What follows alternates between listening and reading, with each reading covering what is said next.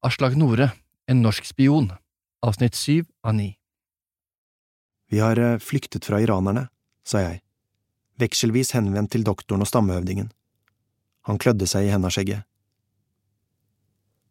Både Taliban og andre grupper har stillinger i fjellene her, sa den gamle høvdingen. Doktoren gjengav det han sa for oss. For to netter siden kom en gruppe folk på motorsykler. De var en kortesje, seks, kanskje sju eller åtte motorsykler. To gjetergutter så dem før de kom. De raste inn i landsbyen. Det bråkte veldig. De sa at dersom vi samarbeider med de vestlige okkupantene, skal vi få vår straff. Vi skal dø. Så krevde de skatt. Til slutt dro de. Men de kommer snart tilbake. Hvis de finner ut at utlendinger er hos oss, dreper de alle. Jeg så på Kåre, kjente paranoiaen komme krypende. Han stirret hardt på doktoren. Vi skal passe på dere, vi er spesialtrente soldater som behersker alle typer våpen, gi oss ett hver, og dere er trygge. For første gang virket stammehøvdingen engasjert, nesten opphisset. Dere er våre gjester, kanskje kan dere behandle våpen som dere sier, men så er dere borte, og hva med oss da? Vi vil fremdeles bo her, barna skal vokse opp i vår landsby, dersom vi blir angrepet, har vi ikke noe annet valg enn å overlate dere til opprørerne i fjellene. Måtte Allah være med dere.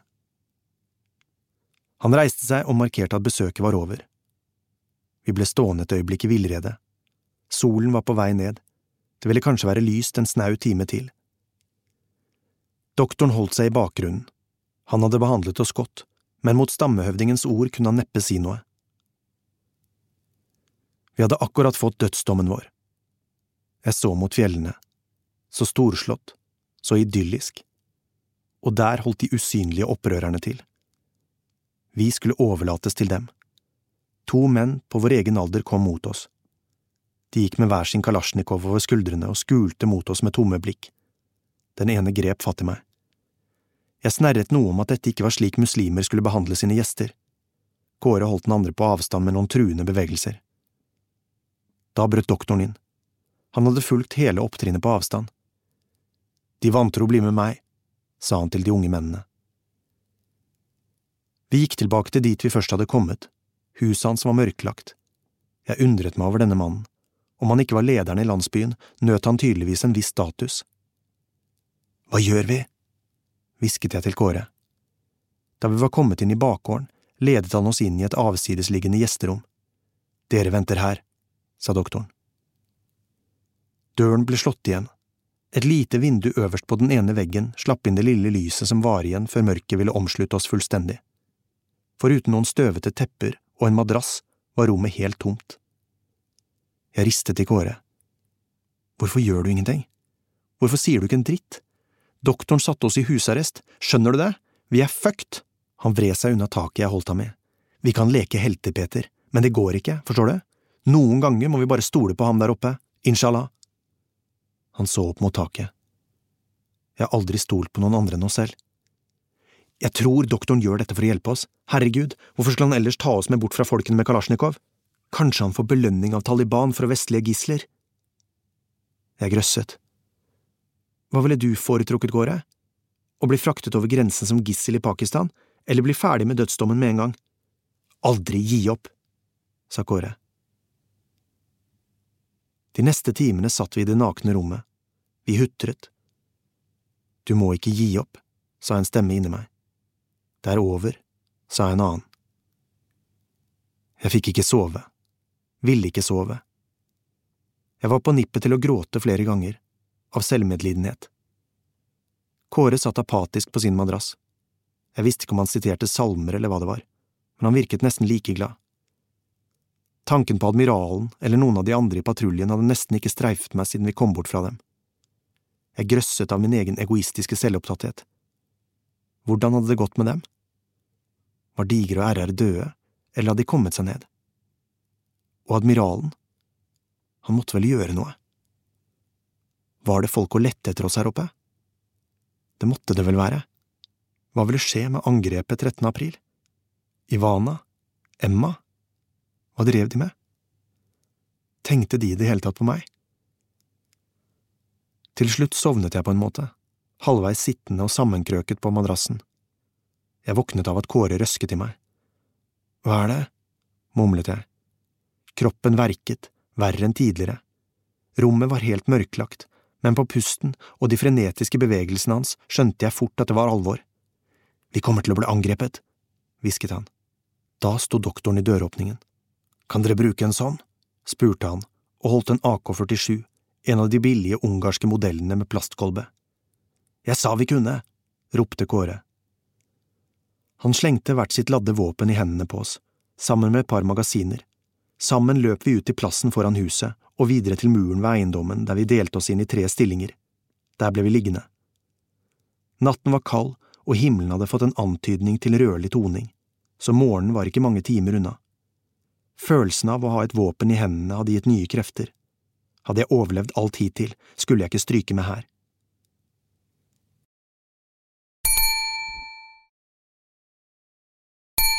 Det var doktoren som skjøt først. Han hamret ut en byge på flerskudd. Jeg myste for å se om han hadde truffet noe, men før jeg kom så langt, skjøt Kåre en serie i rask rekkefølge.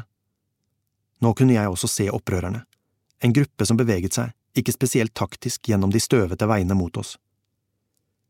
Etter noen minutter med strid av denne typen var frontene fremdeles de samme, for opprørerne så ikke ut til å gi seg, selv om de heller ikke kom nærmere. Det var da vi hørte lyden av motorsykler, fra siden. De var seks i tallet og kom fort.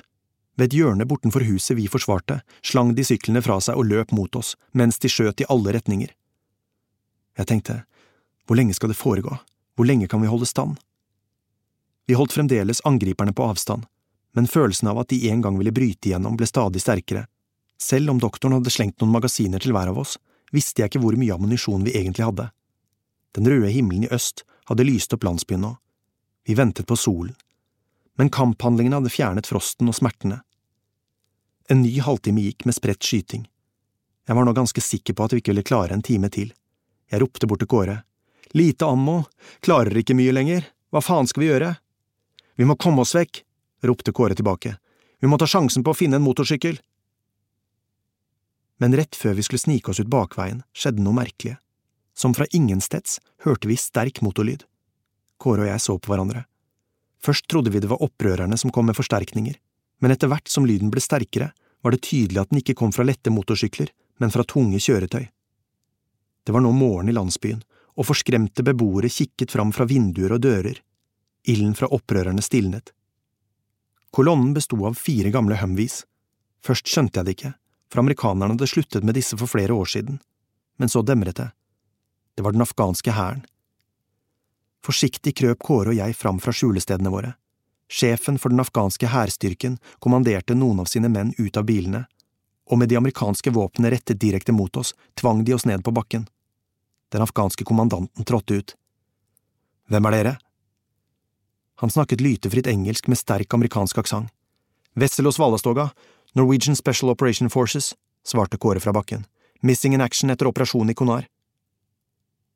Mannen kontaktet basen. Jeg hørte sambandet sprake. Jeg har funnet dem, hørte jeg mannen si, men visste selv ikke hva jeg skulle tro. Solen var på vei oppover fjellene. Bak kommandanten hadde en gruppe afghanske soldater satt seg opp på Hamvien. Et par stykker hadde lagt fram et bønneteppe og startet morgenbønnen. Reis opp, karer, sa afghaneren plutselig. Dere blir med meg. Vi er tilbake på Bagram i løpet av dagen. Legen som undersøkte meg på Bagram, plasserte meg på feltsykehuset med en ukes sykemelding. Jeg ble liggende på et sterilt hvitt rom ved siden av PTE Sean McCullen, en veibombeskadd amerikansk marineinfanterist fra Helman. Det gjorde meg svakere enn jeg allerede var, så jeg sto opp av sengen og humpet rundt i gangene så mye jeg kunne. Det var en underlig følelse. Jeg var i live. Men jeg kunne ikke bli liggende her. Kåre hadde reist tilbake til Kabul. Emma ville jeg vente med å ringe. Jeg hadde ikke overskudd til å lyve mer for henne nå. Første kvelden jeg lå slik alene på rommet, banket det på døren. Det var admiralen. Jeg kjente igjen silhuetten i døren da den ble åpnet på gløtt. Peter? utbrøt han lavt og spørrende. Kan jeg komme inn? Jeg kremtet et ja. Det var som om den lavmælte og avdempede stemningen på feltsykehuset hadde smittet over på den gamle for jeg kunne ikke finne noen rester av de pompøse gestene som kjennetegnet ham når han snakket til større forsamlinger. Han klappet meg på skulderen. satte seg ved sykesengen. Konar ble tøft, sa han. Verre enn eh, noen kunne forestilt seg. Det var noe med stemmeleiet hans som traff meg. Jeg blunket og så ned. Vet ikke om vi burde ha gjort det, sa jeg, om vi var klare for et sånt oppdrag, Kåre og jeg. Akkurat det trenger du ikke bekymre deg for. Han gikk mot vinduet og stilte seg der, mens han lente seg mot vinduskarmen. Vet du hva, Peter? Da jeg hørte om alt dere hadde gjort, tenkte jeg, ville jeg klart alt dette selv? Og da tenker jeg ikke på det fysiske, for det ville jeg nok ikke. Han lo.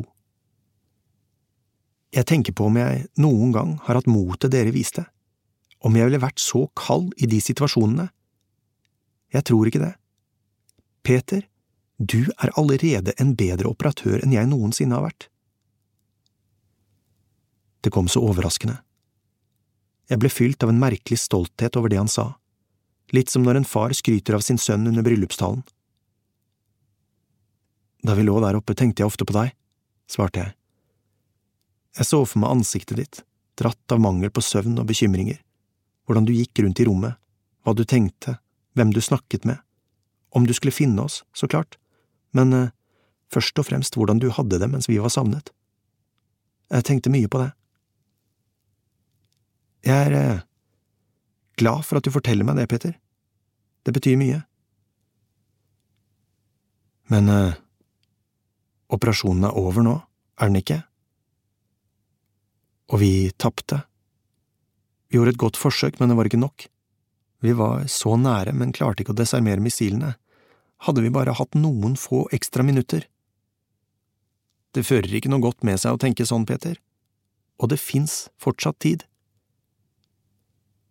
Kan de ikke bare avlyse turen den 13.? Iranerne finner sikkert noen andre å angripe. Admiralen ristet på hodet.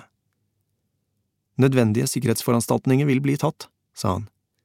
I dagens politiske klima er det få som ønsker å spisse forholdet ytterligere med en avlysning. Det kommer vi tilbake til.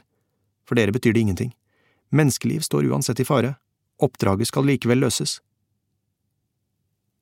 Han gikk et par runder rundt i rommet. Det så ut som han funderte, for han strøk seg over den glattbarberte haken før han satte de gråsprengte øynene i meg. Peter, sa han, husker du at du leverte inn data som du kopierte fra iranernes maskin i Konar? Til oss da du kom?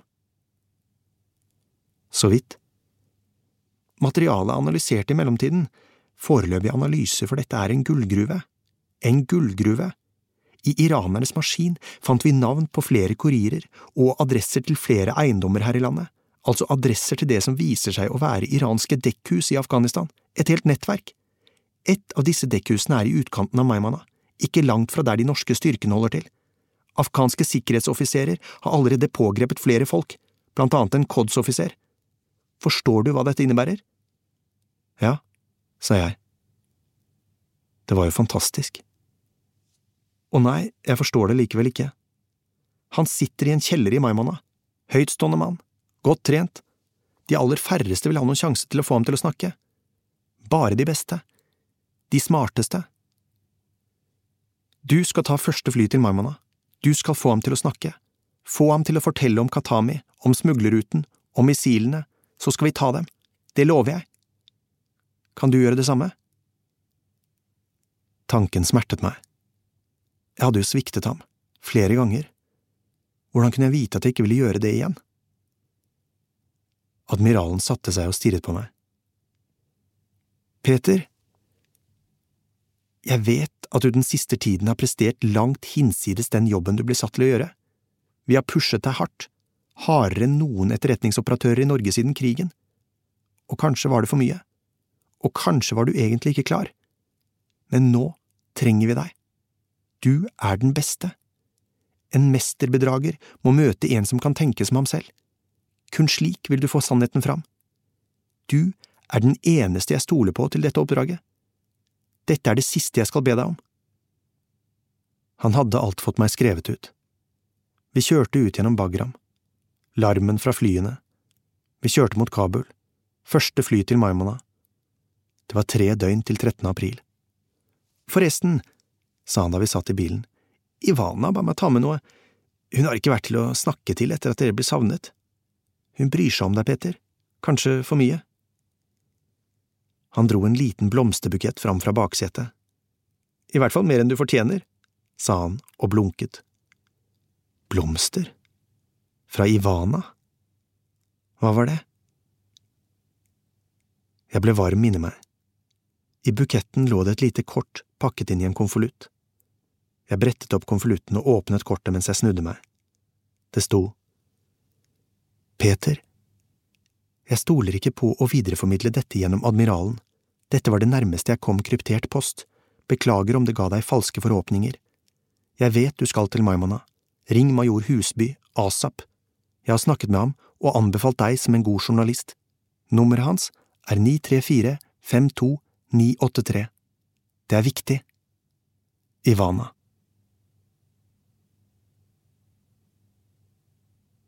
Kurasan, fjerde del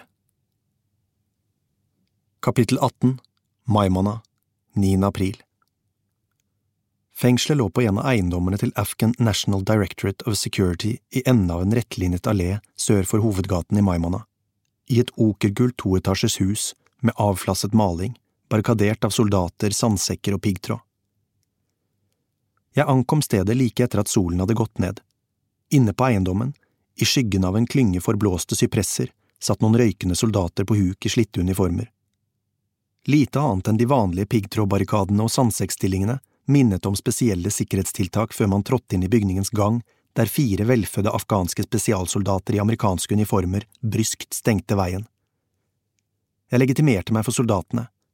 Etter en kort diskusjon med deres overordnede, en høyreist og innhul mann med nytrimmet fippskjegg, slapp de meg gjennom. Gangen summet av afghanske offiserer og etterretningsfolk, og en dør ledet ned til kjelleren. Trappen var bratt og mørk. Lukten av mugg blandet med svette og frykt. Gulvet var kaldt. To bevæpnede vakter hadde tatt oppstilling foran døren. Fra rommet ved siden av hørte jeg lave stemmer. Den ene vakten åpnet døren på gløtt og stakk hodet inn. Nordmannen er kommet. En afghansk oberstløytnant marsjerte ut. Han var en eldre mann, trolig i femtiårene. Den grønne uniformen var en anelse for trang, og han hadde det pløsete og rødsprengte ansiktet til folk som drikker for mye. Så du kommer fra Norge? Ja. Fra den norske leiren her? Nei. Og det var du som hadde funnet informasjonen som ledet til pågripelsen? Jeg svarte ikke. Det er den eneste grunnen til at du får snakke med fangen. Dette er en afghansk sikkerhetssak, ikke et spørsmål som Norge kan bestemme. Er det forstått? Jeg stirret hardt på ham. Oberstløytnanten nikket kort til vaktene, så snudde han seg demonstrativt som en gardist og gikk opp trappen. Døren inn til avhørsrommet ble åpnet. Rommet var om lag fem ganger fem meter og badet i et skjærende lys. Kjelleren måtte være bygget av russerne. Her ble lagt opp til at man skulle sitte på stoler, ikke på huk. Midt i rommet sto et kvadratisk metallbord. I taket hang en glødende lyspære uten skjerm. Iraneren satt bakbundet på stolen. Jeg var nervøs, men skjerpet, som før en eksamen. Svetteperlene glinset i pannen hans, skuldrene var presset sammen av håndjernene. Han stirret på meg noen sekunder før han senket blikket. Han var sterkt forslått. Jeg satte meg ved andre siden av bordet og gransket ham. Moshin Ansari? Vi kommer til å vinne, sa han etter lang taushet på engelsk. Shera, svarte jeg på farsi. Hvorfor det? Han så opp på meg et øyeblikk før han lukket øynene og svarte. Haditen forteller at hvis du ser de svarte flaggene som kommer fra Kurasan, skal du gå inn i deres armé, selv om du blir nødt til å gå over is, for ingen styrke i hele verden vil være i stand til å stoppe den. Han gjorde en pause, og jeg fullførte haditen for ham. Og til slutt vil de nå Jerusalem, hvor de vil plante sine flagg. Iraneren så storøyd på meg. Kurasan var en historisk region som strakk seg fra Iran og videre inn i Sentral-Asia, slik at mesteparten av dagens Afghanistan falt inn under dens territorium. Jeg kjente godt til hadditene om de svarte flaggene. De hadde i mange år blitt brukt av jihadister av ulikt slag til å rettferdiggjøre handlingene deres. Men jeg visste også at Ansari var på tynn is. Jeg kjenner mange hadditer, sa jeg, og en mann som deg vet like godt som meg at dette er en svak haddit av Abu Huraira. Slikt kan du overlate til kulturløse wahhabister på den arabiske halvøy. Jeg er ingen araber! ropte Ansari. Araberkortet pleide ofte å funke på iranere, hvis folklore ofte handlet om hvor primitive, barbariske og kjønnslig velutstyrte arabere var, en stereotypi ikke ulik den om svarte amerikanere ispedd historisk rivalisering og århundrelang krigføring. Nettopp. Og jeg er ingen afghaner som slår og torturerer. Jeg trodde shiateologien bestred Abu Hurairas haditer. Burde ikke du vite at denne mannen var en fiende av Iman Ali, av Iman Hassan og Iman Hussain? Sitter du her og krenker din egen tro? Iraneren svarte ikke, men så seg urolig rundt. La oss være helt ærlige, Ansari. Kurasan-haditten er bare tøv, den passer best for tenåringsjihadister som sitter trygt bak pc-ene sine i Vesten. Den har ingen overleveringsrekke å snakke om, den er ikke sai. Sai var begrepet som ble brukt om de ekte haditene. Jeg reiste meg og tok et par runder i rommet, slo ekstremister på deres egen hjemmebane, ingenting var bedre enn det. Hva er det du vil? Spurte iraneren. Hør godt etter nå, Ansari. Du er altfor smart og lærd til å tilbringe tiden et sted som dette, blant folk som behandler deg som landeveisrøver fra Bagdis-provinsen. Jeg kan få deg ut av dette stedet. I morgen kan du sitte på flyet til Teheran, eller hvor enn du måtte ønske deg, men det avhenger av at du snakker som en perser, og ikke latterliggjør meg med hadditter du ikke selv tror på.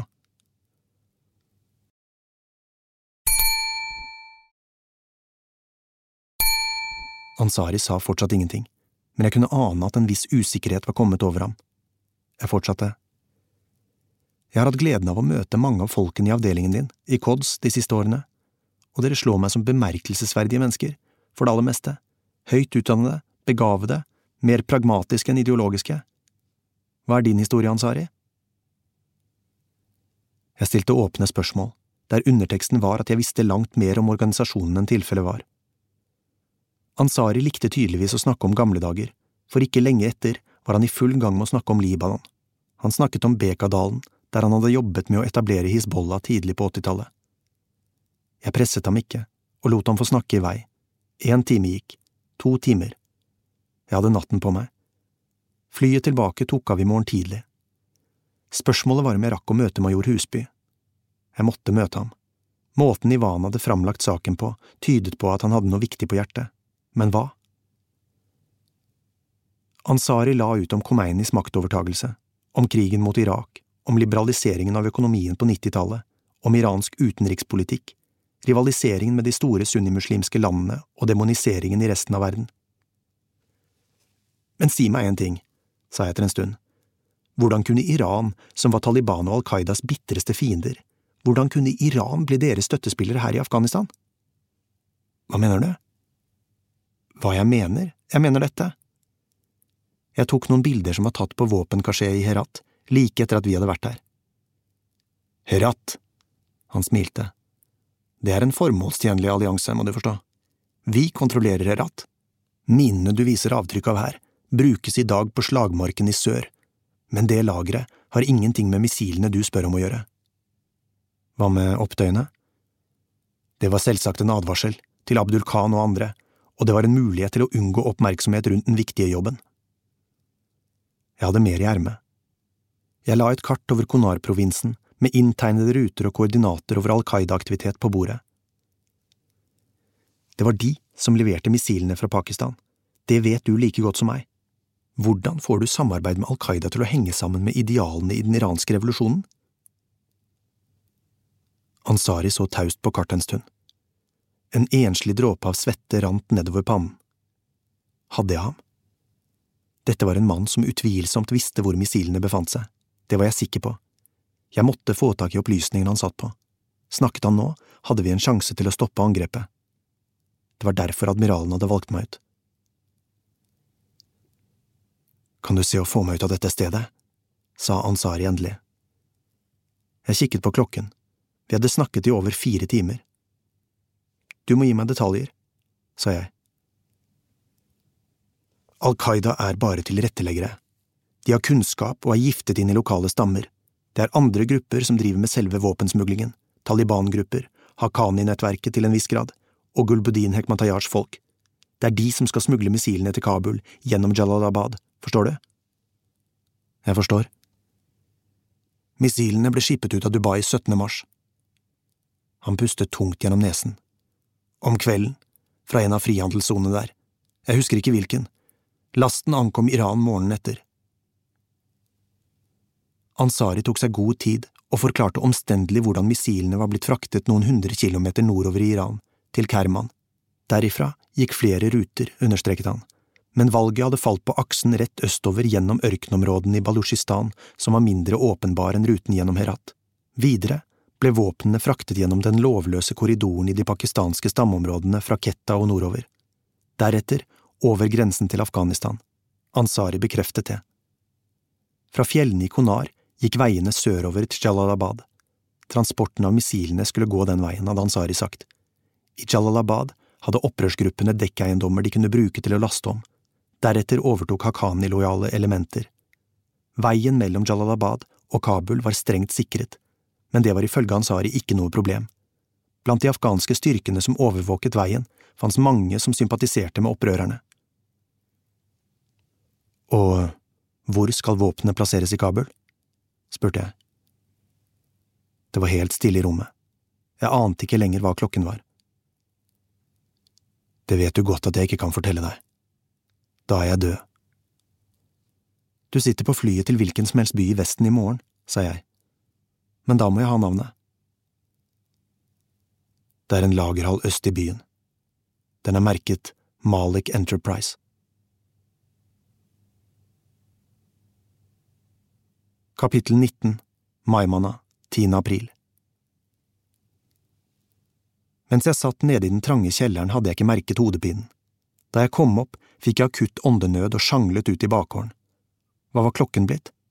Langt borte hørte jeg musinen rope dagens første innkalling til bønn. Avhøret hadde tatt mange timer. Jeg hadde fått det jeg håpet, et sted, et navn, Malik Enterprise. Nå måtte jeg tilbake. Byen var i ferd med å våkne, jeg småløp gjennom gatene uten å kjenne smerten eller utmattelsen. Det var et gjennombrudd. Flyet gikk om to timer. La det være i rute, tenkte jeg, inshallah. Informasjonen måtte framlegges admiralen og de andre, vi måtte legge en aksjonsplan. Noen krumbøyde menn i turban som trakk kjerrer fulle av kaklende kyllinger i bur etter seg, på vei til markedet. Det var her den gamle norske leiren hadde ligget før de flyttet ut av byen. Det var her de hadde blitt angrepet av en rasende mobb med steiner, granater og skytevåpen. Det var i 2006. Det virket lenge siden. Så mye hadde skjedd siden det. Morgenen var i ferd med å lyse opp byen. Jeg skannet området. Jeg befant meg under en allé. På dagtid var det støyende butikker og verksteder her. Nå sto de polstrede og forlatte.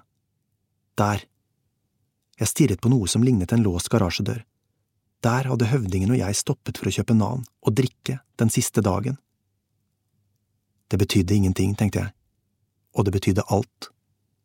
Jeg sto her, høvdingen lå under torva. Det luktet svakt av brensel.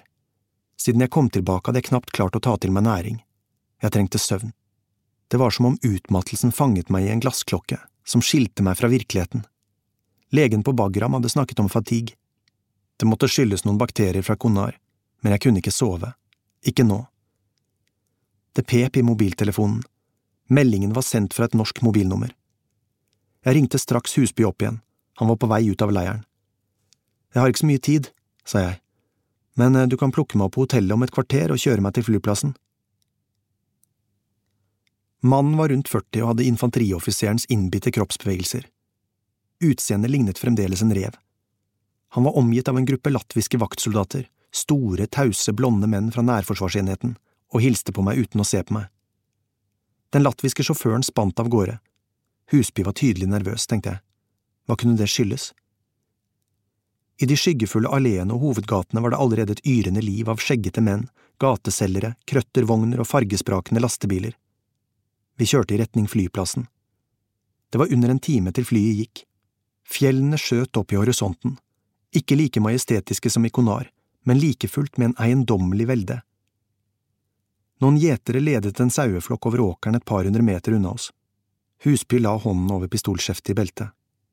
Beklager, latvierne, jeg må ha det med, ellers virker det for suspekt, men de forstår ikke et ord. Han dro hånden gjennom det som var igjen av håret. Det jeg gjør nå er ulovlig. Du er journalist, jeg sitter på klassifisert informasjon. Det jeg nå forteller deg, skal ikke spores tilbake til meg. Han stirret hardt på meg. Jeg holder kjeft. Hvor godt kjenner du til Abdul Khan? Fortell, sa jeg og grep etter en vannflaske. Jeg svettet. Hvor ville han med dette? Abdul Khan er en nøkkel til sikkerheten i hele Nordvest, det vet alle. Da han slo seg fram, var det først som en skruppelløs villmann. Han inngikk allianser med de verste landsbymullaene i Bagdis, som igjen hadde nære bånd til Taliban-grupper og kriminelle som så provinsen som et strategisk brohode til hele Nord-Afghanistan. Og han kjente folk i Herat. Dette var selvsagt iranerne opptatt av. De var avhengig av å holde seg inne med en maktspiller som Khan, samtidig som hans Taliban-kontakter var nyttige for å holde NATO-styrkene opptatt. Forstår du? Vanlig iransk dobbeltspill, sa jeg. Men dette fører selvsagt til at angrepene på norske styrker mangedobles, fortsatte Husby. De siste årene har det vært masse angrep i hans område, bakhold, IED-er, ganske avanserte sådan, alt mulig dritt. Så hva gjør fredsnasjonen Norge? Trykket på fredsnasjonen antydet forakt. De forsøker selvfølgelig å gå i dialog med fyren, fortsatte Husby. Sender noen etterretningsfolk opp for å prate med ham, etter hva jeg kjenner til. En av folkene ble drept av en veibombe, av Abdul Khans folk. Totalt lokk over saken. De folkene og operatører uten dekke. De var deniable. Når var det? Det var i juli i fjor. Har ikke datoen, men i slutten av måneden. Han snakket om oss. Om høvdingen og meg. At høvdingen var blitt drept av Abdul Khan. Det svartnet nesten for meg. Hvordan eh, vet du at de var eh, operatører? Fordi jeg kjenner alle som betyr noe politisk og militært i Faryab. Jeg koordinerer etterretningen her, så jeg vet det. Fra Norge, fra mine militære overordnede i staben var det helt tyst. Men våre afghanske kilder kjente godt til de norske operatørene, og de var ikke bundet av noen regler om hemmelighold. Ryktene løper vilt i Afghanistan. Operatørene snakket språket og kjente kulturen, fortalte afghanerne. Jaså, sa jeg og så ut av vinduet. Hva mer vet du om de hemmelige agentene? Husby virket mildt irritert. Dere journalister er alltid så opptatt av hemmelige agenter. Hør etter, det heter ikke hemmelige agenter unntatt på film. Etterretningen har føringsoffiserer som rekrutterer kilder eller agenter, de er det ikke selv. Dere forsvarsfolk er så opptatt av ord, svarte jeg. Ikke tanks, men stridsvogn, ikke bazooka, men rekylfri kanon. Er det ikke sånn det skal være? Husby svarte ikke. Hører du hva jeg sier? sa han. Etter tilbakeslaget med etterretningsfolkene begynte norske myndigheter å planlegge andre framstøt. Detaljene er unndratt offentligheten, jeg vet ikke selv, men de innevarslet en ny strategi, cash. Hvorfor tror du UD sendte en gammel ringrev som Berg nedover som ambassadør? Fordi han kjenner gamet, betaler penger for at opprørerne ikke skal angripe norske styrker. Han lo en tørr latter. Dollar er et språk Abdul Khan forstår. Iranerne ble forbannet, du kan tenke deg, Khan lot seg kjøpe med noen oljepenger fra nord, så da vendte han sine gamle kompanjonger fra Iran ryggen. Jeg kjente en umiddelbar kvalme tettende til i halsen.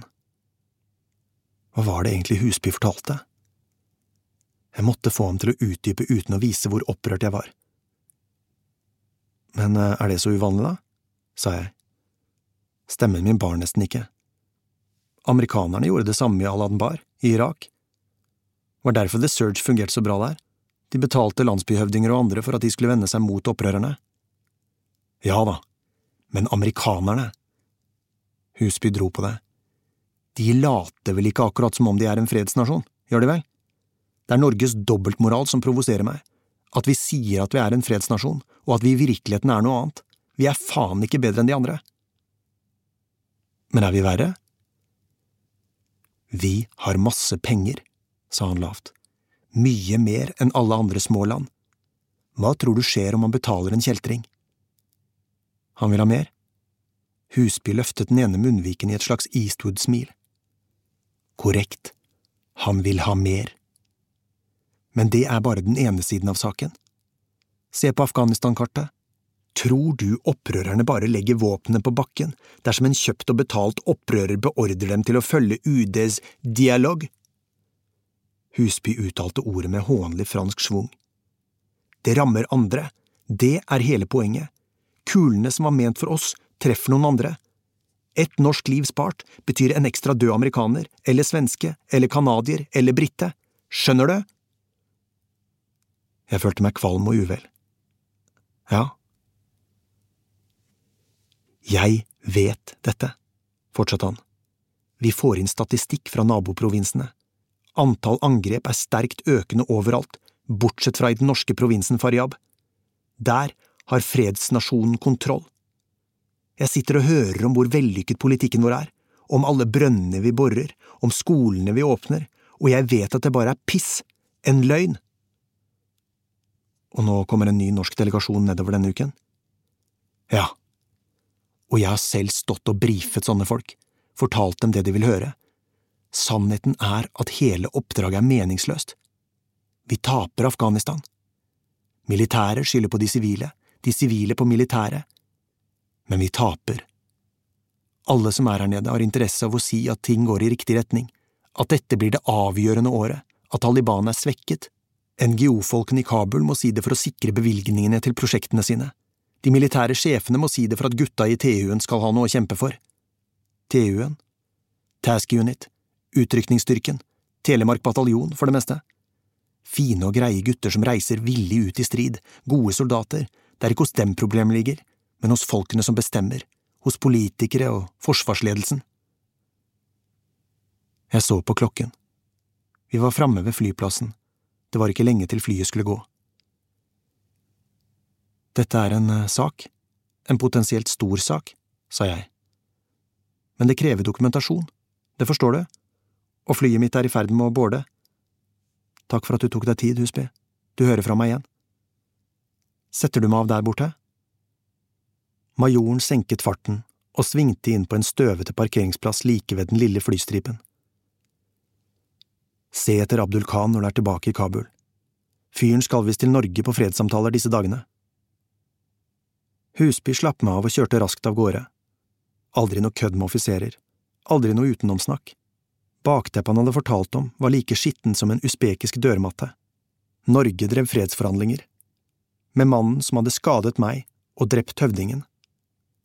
Emma hadde renset sårene mine etter angrepet, skader påført meg av mannen hennes arbeidsgiver førte fredssamtale med. Men det sto for mye på spill. Med ett forsto jeg hvorfor iranerne ville angripe det norske flyet 13. april. Hvorfor Emmas delegasjon var målet. Det handlet ikke først og fremst om dem, men om Abdul Khan.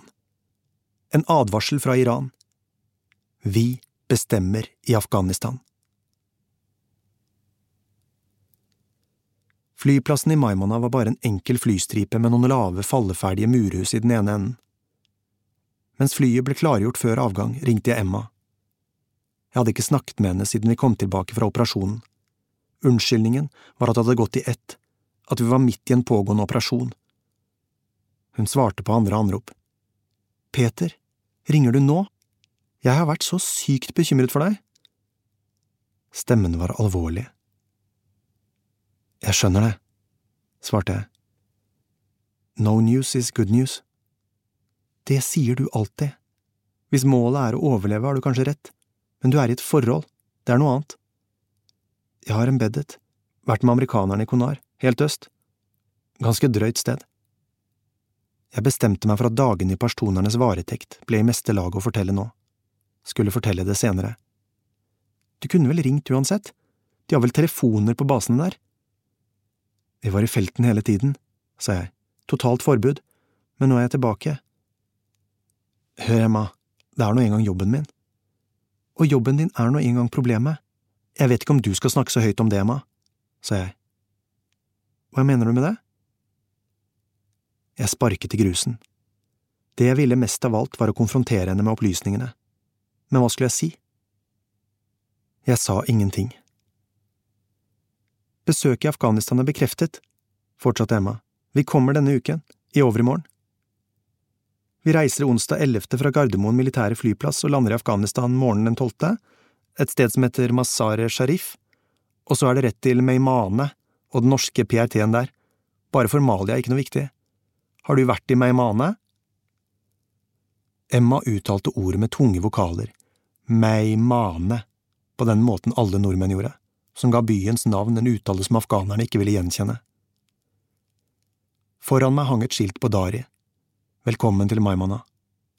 Jeg sa, Lenge siden jeg har vært der, det er en fin by. Du er full av dritt, tenkte jeg. Det var jeg også. Det var vi alle. Emmas delegasjon skulle til Afghanistan for å møte Abdul Khan, en mann som hadde drept høvdingen. Jeg så det tydelig nå, hvordan fredsforhandlingene ikke handlet om Afghanistan og dets hardt prøvede folk, det handlet om Norge, om gjenvalg og opinion, om at ingen draperte kister måtte lande på Gardermoen. Så er det program i Kabul hele ettermiddagen og kvelden. Vi reiser tilbake til Norge morgenen etter, den 13. april. Det høres interessant ut.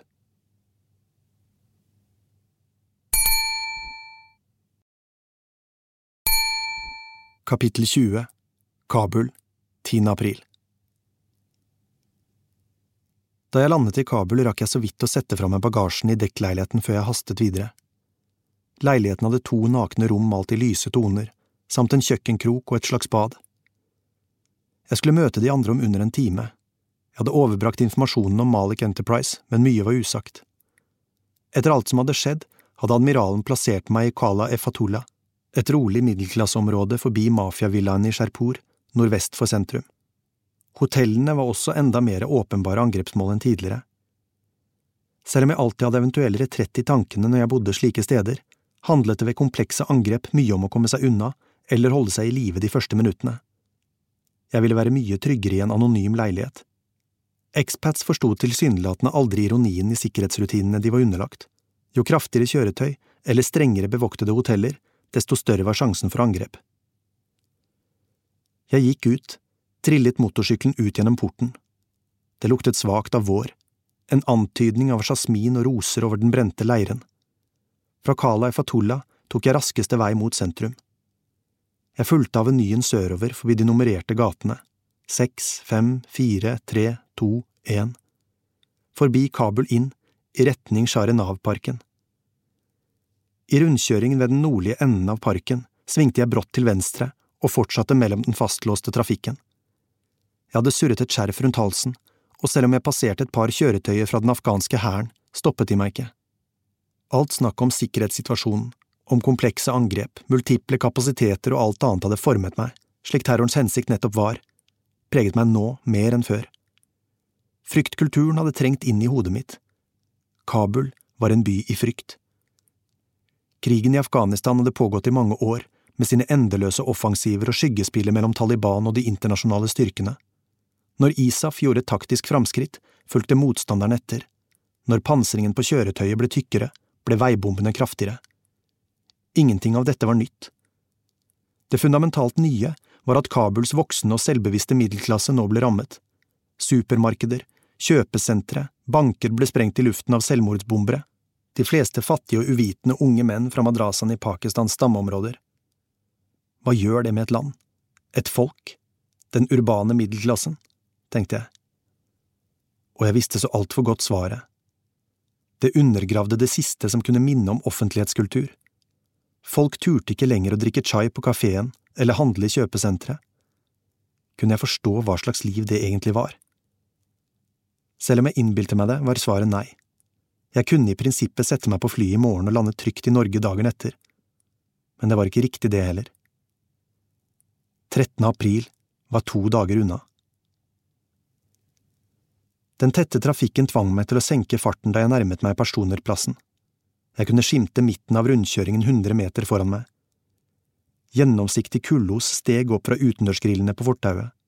Afghanerne vandret med lette skritt langs basarene. Ingen steder er så idyllisk som Afghanistan. Helt til det smeller. I det samme så jeg en lastebil skjene over plassen. Den hadde for stor fart. Noe var galt, men jeg oppfattet ikke hva. Så kom et lysglimt. Jeg hørte et massivt drønn foran meg, etterfulgt av en trykkbølge som kastet meg av sykkelen og inn i siden på en kassebil. Et sekund var alt stille. Hvit røyk sivet opp fra plassen. Så ble stillheten brutt av rop og skrik, sjåførene stormet ut av bilene. Eksplosjonen hadde skjedd foran meg, et par hundre meter sørover. Den melkefargede røyken drev inn i gaten foran meg. Jeg stormet mot sykkelen, som lå slengt i veibanen og kjørte mot røyken, uten å merke hvor mørbanket fallet hadde gjort meg. Nå hørte jeg sirenene gjalle. Mennesker kom løpende mot meg, unge menn i kraftfullt driv, eldre trippende menn i sandaler mens de stirret redselsslagne på meg. I forvirringen tok det meg et par sekunder å forstå hvorfor. De trodde jeg var en av angriperne. Om det var politi eller soldater her allerede, befant jeg meg i livsfare. Ingen afghanske sikkerhetsfolk ville nøle med å skyte meg ned.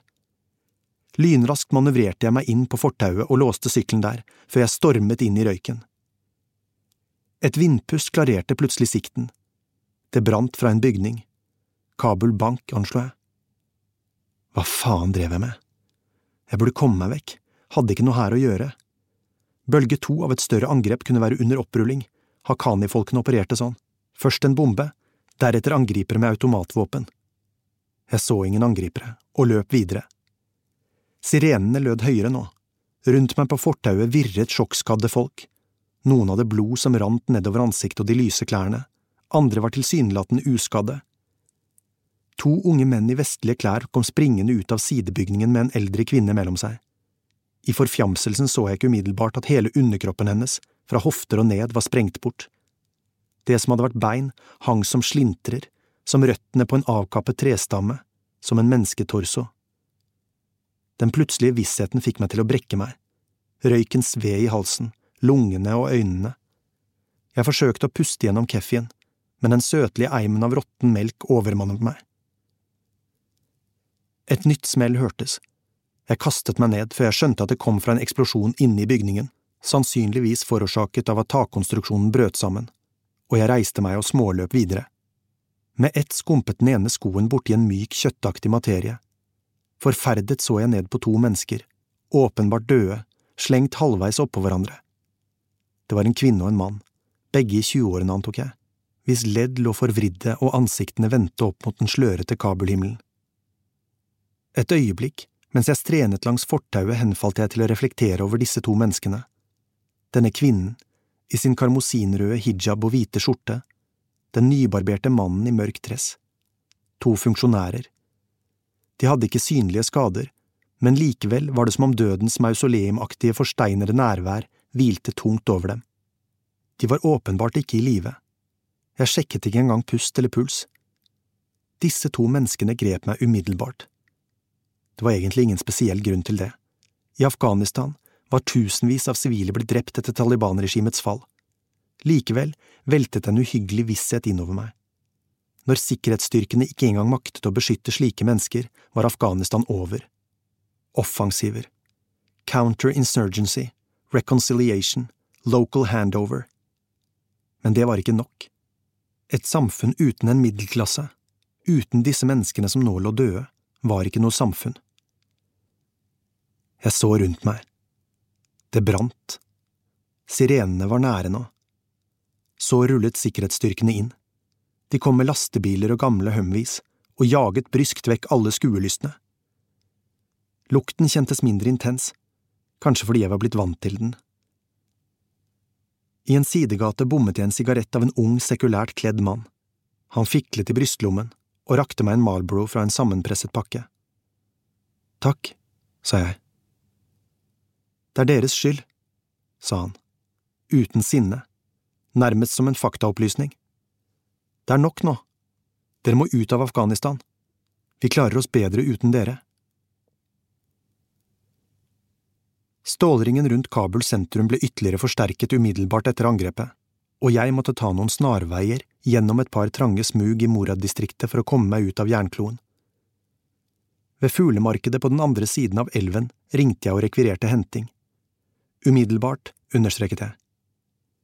Folk rundt meg var oppskakede og sinte, men beholdt verdigheten i ansiktet, som om deres mimikk fortalte meg, det er grusomt, det er i virkeligheten deres skyld men det knekker ikke Afghanistan. Først nå kjente jeg hvor skamslått jeg var. Plagene fra fjellet var egentlig ikke leget, og jeg hadde vondt i siden etter møtet med bildøren. Så kom Digre. Vi ga hverandre en klem i bilen. Armene hans kjentes så store når de holdt rundt meg. Fy faen, det er godt å se deg, hvisket jeg. Sjalvar kamisen hans luktet bomull, Vi har så mye å prate om, Peter, men eh, vi må vekk fra sentrum nå. Vi spant av gårde, og ikke lenge etter rullet vi inn porten i den framskutte basen, eller dekkhuset i Cartesé. Jeg hadde ikke vært der siden de første dagene. Jeg var ikke til å kjenne igjen i speilet. Fremdeles haltet jeg litt, ansiktet mitt virket grått og livløst. Digre gikk foran og åpnet døren til operasjonsrommet. Admiralen sto i det ene hjørnet, foran noen satellittbilder mens han sorterte noen dokumenter. Kåre satt lent bakover, som om han nærmest lå i stolen. Ivana holdt et notat foran seg og kikket opp da vi gikk gjennom døren.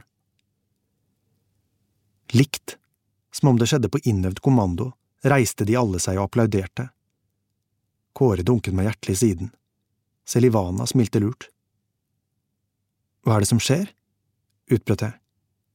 Det kjentes helt feil. Ansari, sa admiralen. Vi fikk ham til slutt. Et strålende avhør i Maimana, Peter. Virkelig, virkelig godt jobbet. Du fikk ham til å snakke i løpet av en natt. Det er en sensasjon. Afghanerne har forsøkt med juling siden de fikk tak i ham. Hadde amerikanerne vært involvert, ville de flydd ham til en eller annen black site og begynt med sansedeprivasjon og vanntortur. Men du fikk ham til å snakke, ved hjelp av list, gjennom dannelse og kløkt. Jeg visste du var god. Nå har du tatt skrittet over i de eksepsjonelles rekker. Men eh, jeg kjente meg overveldet. Dette var for mye. Etter at du sendte over informasjonen, fortsatte admiralen, har eksperter gått gjennom Ansaris informasjon. Detaljene kommer jeg straks tilbake til. Men vi har vunnet, Peter. Vi fikk dem til slutt. Gjennom informasjonen du framskaffet, har vi både kontroll på angrepsmissilene og rullet opp et omfattende nettverk som innbefatter både Haqqani-gruppen og den iranske revolusjonsgarden. Et øyeblikk sto jeg rådvill foran de andre. Så begynte jeg å grine. Jeg hadde ikke grått på så jævlig lenge, ikke i Herat, ikke i fjellet, knapt siden dagen høvdingen ble begravet og jeg lå på sykehus. Men nå brast det. Jeg gråt som en utrøstelig tenåring, som et vettskremt barn. De andre støttet meg, satte meg ned på en stol. Og dere står her og klapper? Dere tror vi har vunnet? Nei, vi har tapt, og det var i dag jeg virkelig skjønte det. Jeg fortalte om bomben, om kvinnen uten bein, om de to døde kontoristene, om afghaneren som hadde bedt meg stikke til helvete. Vi skal ikke glemme frykten vanlige afghanere lever med, det har du helt rett i, Peter, svarte admiralen diplomatisk. Men vår jobb er ikke å bygge en velfungerende afghansk stat med et effektivt voldsmonopol, like lite som det er å fremme likestilling i landet. Vi forsvarer Norge, våre interesser, vår konstitusjon. Det kan ikke gjentas for ofte. Opplysningene dere har framskaffet vil avverge et angrep av en uvanlig størrelsesorden. Ingen vanlige nordmenn kommer til å vite noe om det. Det kommer ikke til å stå i avisene. Vi har valgt et yrke der suksess er hemmelig, der bare våre feiltrinn når offentligheten. Det minste vi kan gjøre er å feire oss selv når vi har vunnet, særlig etter de belastningene vi har vært utsatt for. Du snakker som om faren er over, sa jeg. Kan noen forklare hva som er statusen på Grouse-missilene? Igjen virket det hele nesten koreografert, for med ett var de alle i sving. Nye satellittbilder kom opp på lerretet, bilder fra Konar. Vi fulgte dem med dronefotografiene til nærmeste landsby vel tre mil unna. Der kunne man se at de ble flyttet over til overfylte minibusser, to i tallet. Bussene var fotografert på veien til Azazabad og videre til Jalalabad, uten å bli stoppet. De to bussene hadde kjørt inn i en stor lagerhall i byens nordlige ende. Deretter forlot et annet kjøretøy eiendommen. Ferden fortsatte vestover, langs Jalalabad Road, mot hovedstaden. Et nytt bilde førte til et pashtunsk boligområde sørøst i byen. Bildet var tatt for to timer siden. Dette er huset hvor missilene er lastet av, sa Digre. Et overvåkingsbilde tatt med telelinse på lang avstand. Kjøretøyet fra Jalalabad hadde stoppet, to mann lastet tre kasser av bilen, avlange kasser, i underkant av to meter. Grouse-missiler. En kornete inskripsjon kom til syne. Malik Enterprise. Det stemte på en prikk med hva Ansari hadde sagt. Én ting var følelsen jeg hadde fått da Ansari hadde fortalt meg dette i kjelleren. Jeg merket hvordan hele pakningen jeg hadde båret med meg siden operasjonen begynte, liksom forsvant. Først nå forsto jeg hvor mye det hadde tynget meg. Hva er angrepsplanen? Spurte jeg og så på admiralen. Dette må jo koordineres. Kåre og jeg har allerede sett missilene, vi vet hvordan vi skal desarmere dem. Nå trenger vi bare en plan for hvordan vi tar oss inn i lasterommet. Ivana, kjenner du området? Og Digre? Admiralen ristet på hodet. Det slipper du å tenke på, Peter, sa han. Jeg stirret på ham. Afghanske spesialstyrker med støtte fra newzealenderne tar over herfra, sa Digre. As we speak er det aktivitet i spesialstyrkecellene borte i hovedkvarteret til ISAF. De kommer til å slå til hvert øyeblikk. Hva er det du sier? Blikket mitt flakket mellom Digre og admiralen. Det kan vel ikke være riktig? Det er våre folk som er truet. Dette er vårt oppdrag. Admiralen ristet på hodet. Ta det helt med ro, Peter. Afghanerne vet hva de driver med. Trusselen er rettet mot deres flyplass, og det er ikke vårt bord. Det er deres land. De får støtte fra newzealenderne, vår del av oppdraget er over, ferdig, terminert. Jeg ristet på hodet og stirret ned i bordflaten. Det er ingen grunn til å leke helt nå, Peter, sa admiralen. Vi har gjort en formidabel innsats, du har gjort en formidabel innsats. Se rundt deg, de andre forstår det, nå må du la andre ta over. Oppdraget er over. Hva dere gjør nå, er ikke min sak, men hold deg for Guds skyld langt unna Malik Enterprise. Han smilte trøtt og senket stemmen. Noen ganger kan det være vanskelig å takle suksess. Hvis man forventer at alt skal gå galt, er det vanskelig å akseptere det når noe faktisk løser seg. Og det har det gjort nå, Peter. Du trenger hvile. Det er viktig at du tar vare på helsa. Det var å kreve mye av deg å sende deg til Maimana. Ta noen dager ved bassengkanten på Serena nå. Det fortjener du. Det fortjener dere alle. Oppdraget er avsluttet. Dere er fri til å dra tilbake til Norge om kun kort tid. Når får dere snart melding om. Enn så lenge skal dere ligge lavt i Kabul. Jeg sa ingenting. Det var nytteløst å diskutere med dem nå. Og kanskje hadde de rett. Kan hende var min dømmekraft kraftig svekket av alt som hadde skjedd. Jeg merket blikkene fra de andre. Jeg var klam i håndflatene. Kroppen reagerer alltid før hjernen hvis noe er galt.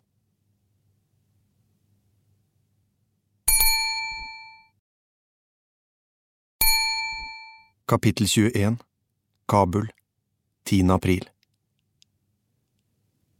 Kveld Kabul sentrum var full av soldater og politimenn. Det internasjonale samfunnet hadde portforbud etter bomben tidligere på dagen. Kåre drakk øl på Latmo, eller Gandamak. Han hadde forsøkt å ringe, ville ha meg med. Vi måtte feire, som han sa. Jeg hadde ikke fortalt ham om Husbys opplysninger. Hvilken dag var det? Var det 10. april? Om to dager kom Emma. Jeg visste ikke hvordan det ville bli å møte henne, om jeg orket å snakke med henne. Mirwai sendte meg en SMS, jeg hadde ikke hørt fra ham siden Herat, før fjellene, før alt det andre. Vi må snakke sammen, sto det, gjelder de smuglergreiene. Jeg leste meldingen to ganger. Mirwais visste mye om smugling, men hva han kunne tilføre saken nå, kunne jeg vanskelig se. Men det ville bli fint å se Mirwais. Etter alt vi hadde gjort, skyldte jeg ham et ordentlig farvel. På grunn av bomben måtte jeg kjøre en omvei for å finne ham følge veien til flyplassen forbi Hotell Intercontinental.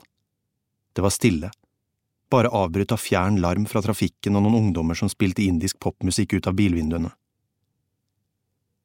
New Mikrorayan var en sovjetisk-inspirert betongdrabantby nordøst i Kabul, avgrenset av Jalalabad Road og Masud-plassen i sør og øst. Området var inndelt i nummer, New Mikrorayan 1, 2, 3, 4, for liksom å understreke bydelens fremmedgjørende betongsosialistiske karakter. De fleste andre steder i verden ville et slikt område vært bebodd av arbeidere, sosialklienter og nyankomne innvandrere. Men Afghanistan var ikke som andre steder. I New Mikroyaran bodde ofte velbemidlede folk i blokkleilighetene, også mange som hadde leid ut husene sine i sentrum til internasjonale organisasjoner. Jeg fant adressen Mirwais hadde gitt meg, og leste den på nytt i mørket. Jeg stoppet motorsykkelen og låste den inntil en nedslitt murvegg. Noen ungdommer fulgte meg på avstand, De hvisket og lo da de så meg. Jeg håpet det var mørkt nok til at de ikke så hvor jeg kom fra. Jeg ville unngå bråk med afghanere som ikke likte utlendinger. Ingen svarte da jeg ringte på, så jeg smatt inn etter en gamling i et ubevoktet øyeblikk. Leilighetsnummeret Mivais hadde gitt, var 303. Gangene var mørke og forfalne. Det luktet sterkt av matos, brensel og urin. Jeg gikk opp trappene, bort gangen og banket på. Etter en liten stund romsterte det i leiligheten, og døren ble åpnet på gløtt. En fremmed mann stirret taust på meg, med heroinistens blanke, livløse øyne. Gjennom glipen sivet den søtlige lukten av opiater ut. Mirwais, sa jeg. Fremdeles sa han ingenting. Han var en lav, radmager mann tidlig i tjueårene med skjeve, høytsittende øyne som fikk meg til å anta at han var hazara. Han var kledd i en gråhvit T-skjorte, posete oransje bukser og et par fillete slippers som ikke skjulte de halvt avskallede tåneglene eller sårene på føttene. En junkie. Han gjorde mine til å lukke døren med en halvhjertet bevegelse, men jeg satte fram foten og stirret hardt på ham. Mirwais, gjentok jeg. Slipp han min! Ropte en velkjent stemme fra leiligheten på Dari. Junken snudde seg og gikk tilbake med ryggen til. Det var hans velkomst. Jeg tråkket inn i gangen. På den nakne, gråhvite veggen hang et falmet bilde av den gamle afghanske kongen. Ut fra fluorfargen bildet hadde fått, måtte det ha hengt slik i tiår. I enden av den trange gangen lå noen tomme pappkasser slengt. De kunne være stjålet. Det ville jeg i hvert fall antatt dersom det var et annet sted, men sant å si visste jeg lite om mulighetene for vinningskriminalitet i landet. Lukten ble sterkere for hvert skritt jeg tok. Stuen åpnet seg for meg. Ved første syn virket den mindre nedkjørt enn jeg hadde ventet meg. En høy, grå sofagruppe sto inntil en halvtom bokhylle der en reol var fylt av piratkopierte DVD-er fra Bollywood. Og Koranen. Mirwais lå på ryggen i sofaen mens han stirret i taket. En eller annen fyr, åpenbart dealer, det skjønte man av det brylkremglatte håret, gullkjedene og den lett flekkete hvite dressjakken, satt ved siden av ham. Mirwais reiste seg da han så meg strenet mot meg og ga meg en klønete klem. Hvor har du vært, Peter? Hvor har du vært? På det lave, gjennomsiktige bordet lå brukerutstyret slengt utover, sprøytene, sølvpapiret. En liten høyttaler uten diskant spilte syretekno. Jeg gjenkjente låten umiddelbart. En gammel klassiker, Josh Wink, Higher State of Consciousness. Dette er ordentlig fjelldisko på syre, sa jeg og forsøkte å lette stemningen, ikke modern talking. Visste du kom til å si det, Mr. Peter, sa Mirwais, smilte nesten. Jeg blir glad for at du sier det, og ikke forteller med pekefinger at jeg destruerer livet mitt. Du gjør det. Jeg er kanskje slapp av heroinen, men jeg er ikke ko-ko som folk på speed. Afghanske narkiser er smartere enn de norske. Han forsøkte å le, men jeg klarte ikke å le med ham. Til det var leiligheten for mørk og Mirwais for nedkjørt. Var det min skyld? Folk som Mirwais døyvet ofte smertene med knark. Han burde ikke vært med til Irat. Jeg burde ikke brukt ham. Ikke gitt ham falske forhåpninger. Igjen merket jeg skyldfølelsen krype over meg. Er det ikke på tide med en tur på rehab, Mirwais? sa jeg. Børste vekk dritten og kaste ut de dårlige vennene dine, så stikker vi. Jeg spanderer noen dager i Bamiyam. Fjelluft og vennligsinnede hazaraer. Ikke dop eller terror så langt øyet rekker. Peter, Peter, Peter! Mirwai satte seg opp og så misbilligende på meg. Korset hang utenfor genseren. Kle på deg, sa jeg og nappet demonstrativt i min egen skjortekrage. Han lirket korset under. Gutten vi så i Herat, sa Mirwais. Glemmer aldri han. Blikket hans, faren hans. Hva er det som har skjedd med landet mitt når små unger kutter strupen av folk og folkemengden applauderer? Han så på meg, nesten bedende. Heroin gjør ikke ting bedre, det ødelegger deg. Hør, Mirwais, jeg tenker også mye på det som skjedde, jeg har sett mye dritt, men det der er noe av det verste. Men vi kan ikke la det hindre oss i å gjøre gode ting. Du har mye ugjort, Mirwais. Mirwais klødde seg i det strie håret. Bakhodet så ut som et kråkereir. Peter, jeg er ikke sånn som deg. Jeg blir så lei meg, over Afghanistan. Jeg vil til Norge. Det trodde jeg aldri jeg kom til å si igjen, men jeg vil tilbake. Du kommer tilbake dit? Mener du det, Mr. Peter? I faen i det Mr. Peter-tullet. Jeg måtte få Mirwais bort fra selvmedlidenheten og over på andre tanker. Du var jo Norges Basquiat, Oslos Banksy, ikke glem det, Mirre. Mirre, ja. Mirwais harket og lo mens han tente en sigarett. Lenge siden jeg har sett deg, Peter. Hvor har du vært siden vi var i Herat? I Konar. En bedding med amerikanerne. Jeg og Mister Kåre var der. Et jævlig sted. Selv om det er ganske grønt der oppe. Masse trær og skog, nesten som i Norge, bare varmere. Kunne dyrket pinot noir der oppe fra den blodige årgangen 2011. Mirwais var ikke i form til å le av vitsen min. Var dere i Korangaldalen, eller? Vet ikke hva det het her, men det var stygt. Veibomber og Taliban i alle fasonger. Men gjestfrie folk, svarte jeg. Pashtunere, vet du, lo Mirwais. Du ringte, sa jeg. Var det bare fordi du ville ha medlidenhet? Mirwais la fingeren over leppene, som om hazaraen forsto norsk. Han ristet på hodet og gikk mot gangen. Ute hadde det blåst opp, en kald steppevind fra nord. Vi tar det ute, sa Mirwais. Stoler ikke på noen, ikke andre narkiser, ikke andre afghanere, ikke amerikanere, ingen andre enn deg, Aga Peter. Jeg kunne ikke annet enn le av tilnavnet han ga meg. Vi satte oss oppå et lite bord, ingen andre var å se i natten. Hva er det du ville fortelle meg, Mirwais? Han tok et nytt magedrag av sigaretten. Du husker de smuglergreiene i Rat? Mirwais var fortsatt høy av dopet, men fem minutter i friluft hadde gjort ham godt. Noe av fargen i ansiktet var tilbake. At jeg smugla ting over grensa der borte? Jeg husker det. Mirwais vred seg der han satt. Har gjort et par småjobber til siden sist. Du skjønner jeg rota meg oppi noen ting. Sto i gjeld til en dealer her nede i byen. Hadde ikke noe valg. Så en dag i forrige uke mens dere var borte, dukka han opp igjen. Sa han kunne slette gjelda, pengene jeg skyldte han. Ikke bra greier, men hadde ikke noe valg, så jeg sa ja. Ja. Det var en enkel jobb. Frakte noen greier nordover, noen pakker. Jeg spurte ikke hva de inneholdt. Eh, noen svære pakker var det og Mirwai streita seg opp med sine beste klær og tok dem med nordover til Panjshir og videre over grensa, til Tadsjikistan. Smirre er skikongen av Kasakhstan, Mirre er emiren av Tadsjikistan. Han hadde allerede tent en ny sigarett, med sneipen av den forrige. Så nå er jeg gjeldfri. Men jeg kom til å tenke på en ting du hadde snakka om i Hirat, om den våpensmuglinga. Jeg la hodet mot vinden, så jeg skulle høre bedre hva han sa alle de greiene som kom i skyggen av opptøyene. Jeg hadde nesten glemt det. Men når du er med på greiene selv, får du vite hva som skjer, sånn er det alltid.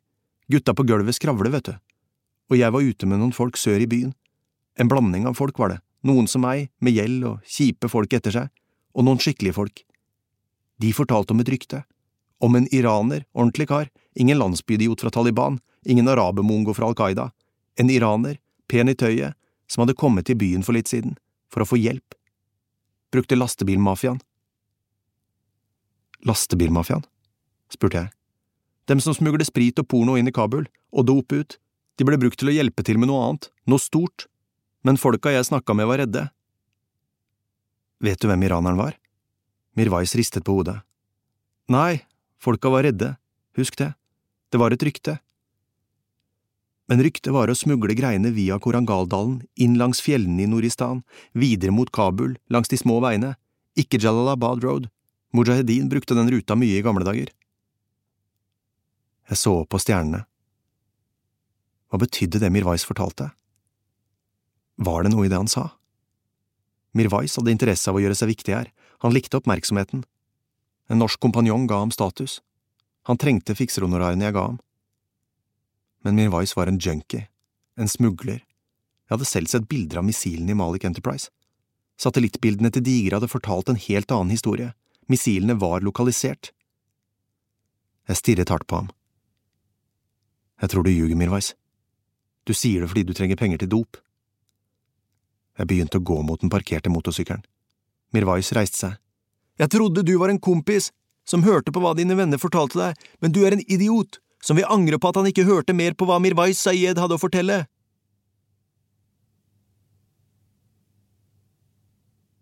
Kapittel 22 Kabul 11. april Raskt låste jeg meg inn gjennom de to portene til leiligheten, sjekket at ingen hadde vært der. De nakne og tomme rommene i leiligheten fikk en aura av uhygge i mørket. Granittgulvene var fremdeles avkjølte, tross varmen ellers i huset. Fra naborommet summet til en vifte. Aksjonen var med all sannsynlighet over. Ved Jalalabad Road sparket afghanerne trolig inn dørene i dette øyeblikk. Burde jeg ikke vært glad? Jo, jeg burde det. Burde jeg ikke være lettet? Men det var ikke slik jeg følte det. Kroppen var i helspenn, og jeg vandret hvileløst omkring i leiligheten. På badet rotet jeg i toalettvesken for å finne et medikament som kunne gi meg ro for natten. Idet jeg sto slik og fiklet med pillekrukkene, hamret det på døren. Jeg for opp. Hjertet slo som en trommemaskin. Hvem kunne det være? Ingen visste at jeg bodde her. Jeg listet meg ut av badet og over gulvet. Faen, jeg hadde ikke noe våpen. Jeg hadde aldri møtt noen vaktmester eller intendant her. Hvem kunne det være? Det banket igjen. På kjøkkenbenken fant jeg en kniv som jeg plasserte i bukselinningen. Jeg åpnet døren på gløtt.